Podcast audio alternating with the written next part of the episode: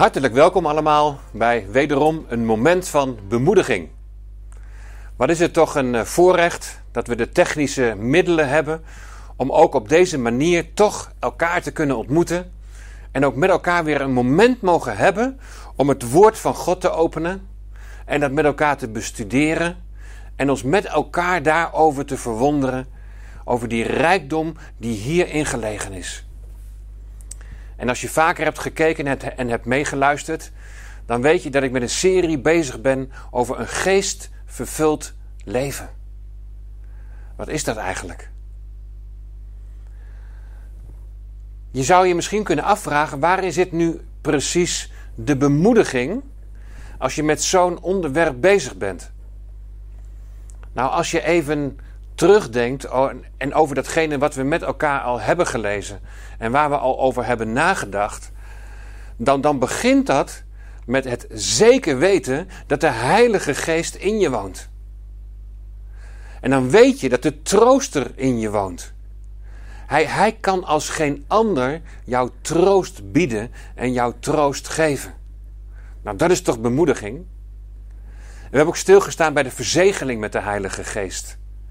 En de verzegeling betekent onder andere bescherming. We mogen weten dat als het stormt in ons leven, we mogen ook weten als we geestelijke aanvallen te verduren hebben, dat de geest van God in ons ons wil beschermen. Hij geeft ons kracht voor iedere dag. We hebben het ook gehad over de kracht van de Heilige Geest. En wat hebben we die inderdaad nodig? Ook zeker in de moeilijke momenten van je leven. En wat is het dan bemoedigend hè, om te mogen weten dat die kracht in jou is. In jou is gelegd omdat jij een woning van God bent in de geest. Hij woont in jou. Hij is bij je. Hij wil jou kracht geven om in alle omstandigheden staande te blijven. We hebben ook nog stilgestaan bij de eenheid in de geest. En dat doet ons ook beseffen dat wat er gebeurt in ons leven, we staan niet alleen. We staan sowieso niet alleen in die zin dat God met ons is, Hij in ons. Maar wat die eenheid betreft mogen we ook weten dat we samen aan één gesmeed zijn, als het ware, in dat ene lichaam van Christus. En dat we aan elkaar gegeven zijn. Om elkaar te bemoedigen. Om elkaar te steunen. Elkaar niet los te laten. Weet je nog die vorige keer? Elkaar op de schouders dragen. Zo met elkaar onderweg zijn. Kijk, in dit onderwerp, een geestvervuld leven, daarin ligt zoveel bemoediging. En het is mijn gebed dat je ook vanavond wederom bemoedigd zult worden. Want we gaan weer kijken naar een heel bijzonder onderwerp. En dat onderwerp dat is, wordt vervuld met de geest. En we gaan daarover lezen in Efeze hoofdstuk 5. jullie weten waarschijnlijk dat we steeds weer een, een stukje nemen uit de Efezebrief. En dan gaan we kijken wat zegt dat over dat onderwerp, een geestvervuld leven, zo in aanloop naar Pinksteren. Dan we gaan met elkaar lezen, Efeze 5, en we lezen dat vanaf vers 15. En ik lees het dan tot en met vers 21. Dus Efeze 5, vers 15 tot en met 21. En als je zelf ook de Bijbel bij je hebt, dat is het mooiste. Dan uh, kun je ook meelezen. Misschien heb je wel een andere vertaling. Ik lees het uit de herziene statenvertaling. Maar het is soms heel mooi om vertalingen naast elkaar te leggen. En dan kunnen er misschien soms even wat accentverschillen zijn die het net even iets duidelijker maken. Vers 15. Let er dan op dat u nauwgezet wandelt, niet als dwazen, maar als wijzen. En buit de geschikte tijd uit, omdat de dagen vol kwaad zijn. Wees daarom niet onverstandig, maar begrijp wat de wil van de Heer is. En word niet dronken van wijn, waarin losbandigheid is, maar word vervuld met de geest. En spreek onder elkaar met psalmen, lofzangen en geestelijke liederen.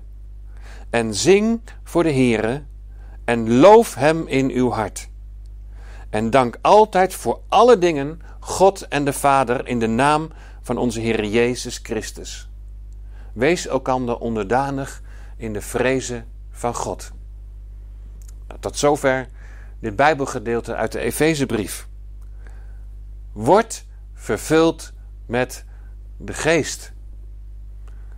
Ja, wat is dan het eerste wat bij je naar boven komt? Wat is dan het eerste waar je aan denkt? Ja, we weten, hè, het is belangrijk om vol te zijn van de Heilige Geest. Maar wanneer ben je dan precies vol van de Heilige Geest? En kun je ook iets minder vol van de Heilige Geest zijn? Of kun je leeg van, van de Heilige Geest zijn? Nou, we hebben al eerder gezien, de Heilige Geest gaat niet van je weg. je, kunt, je kunt het vuurtje doven. En je kunt de Heilige Geest bedroeven.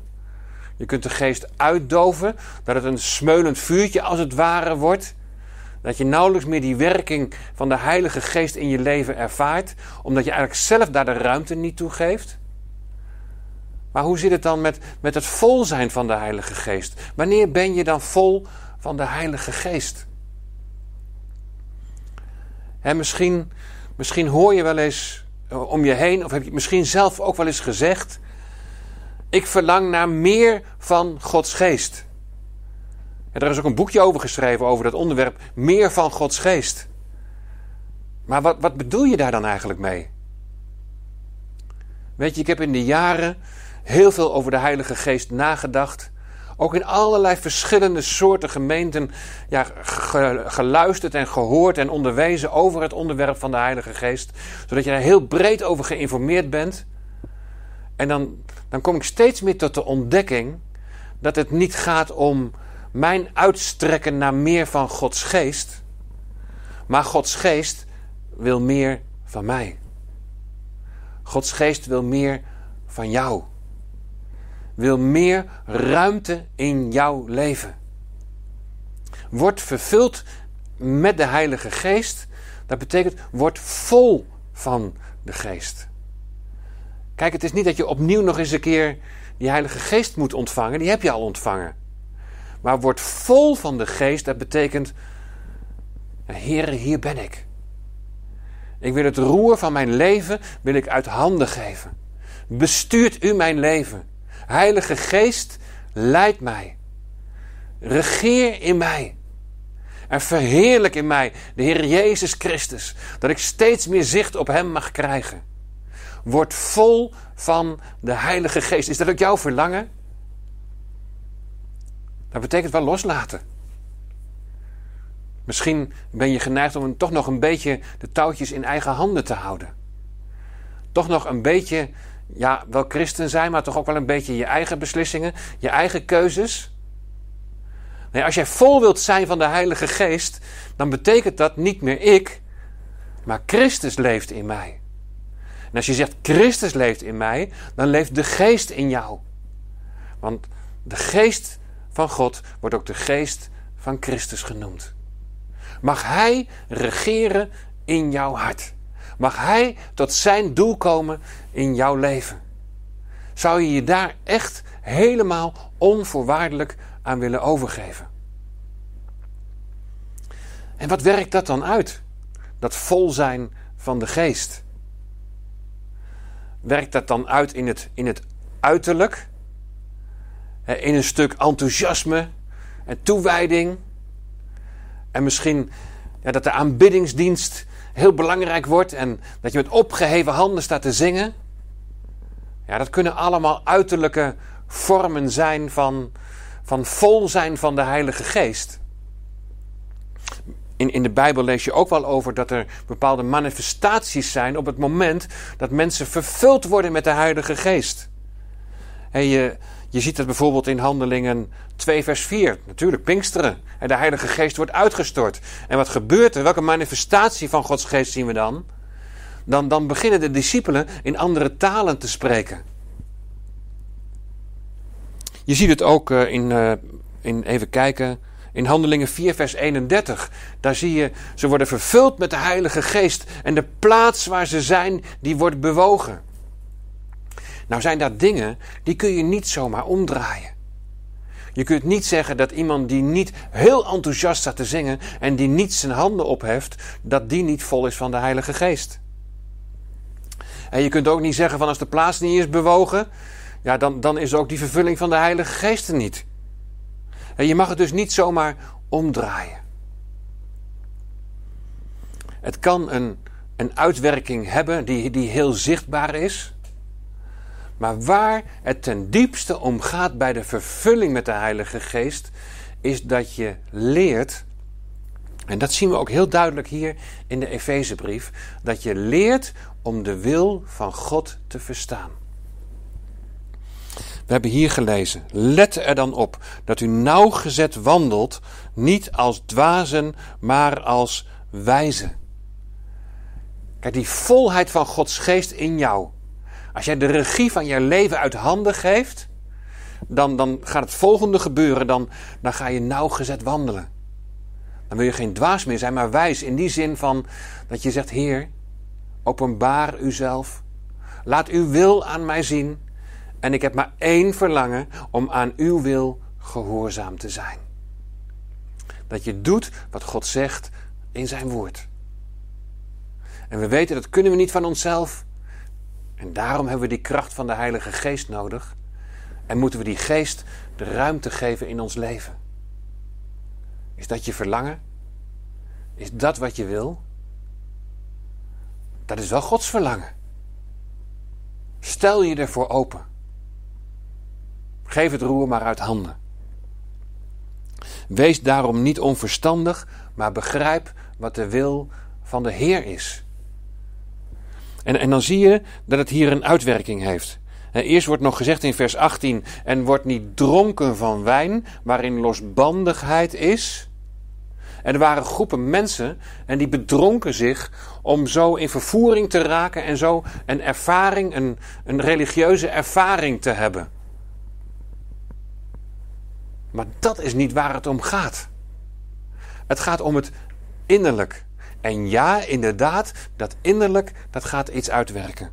En wat gaat dat uitwerken? Het spreken onder elkaar. Met psalmen en lofzangen en geestelijke liederen. En zing voor de Heere en loof Hem in uw hart. Als je vol bent van Gods geest, dan kom je gezamenlijk met elkaar tot lofprijzing en tot dankzegging dan leer je ook op het moment dat het stormt in je leven en dat er tegenslagen zijn, dat je ervoor kiest om de Heer te, prijzen en te loven en te danken in alles. En dank altijd voor alle dingen God en de Vader in de naam van onze Heer Jezus Christus. En weet je, in de tweelingbrief, zo wordt de Colossensebrief genoemd, er zijn heel veel overeenkomsten tussen de Efezebrief die gaat over de gemeente van Christus.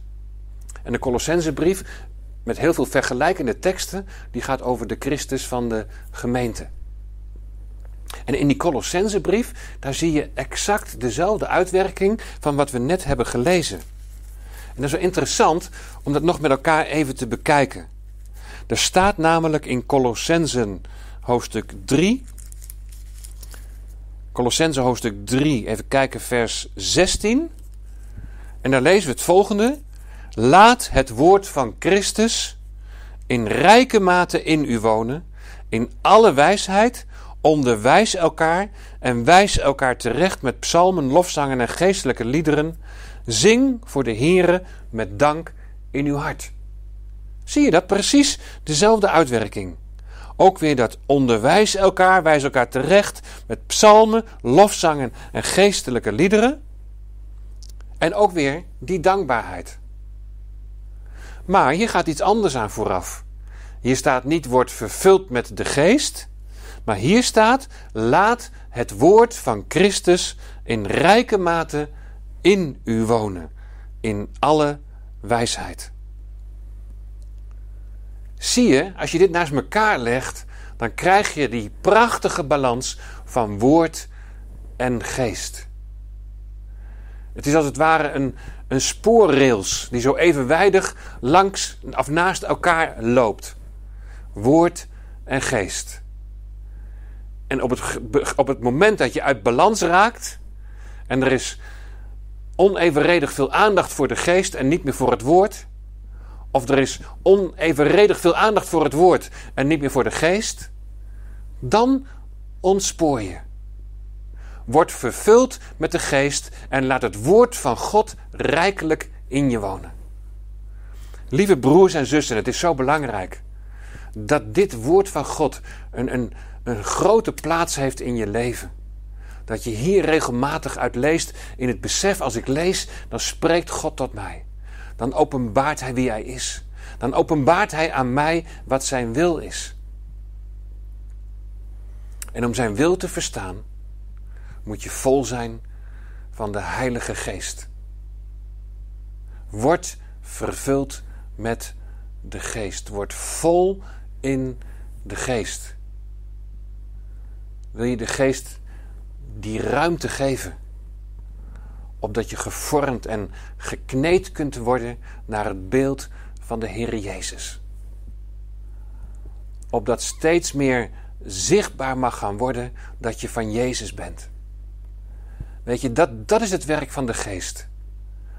Om zodanig zijn werk in ons te doen dat steeds meer van de Heer Jezus Christus zichtbaar wordt.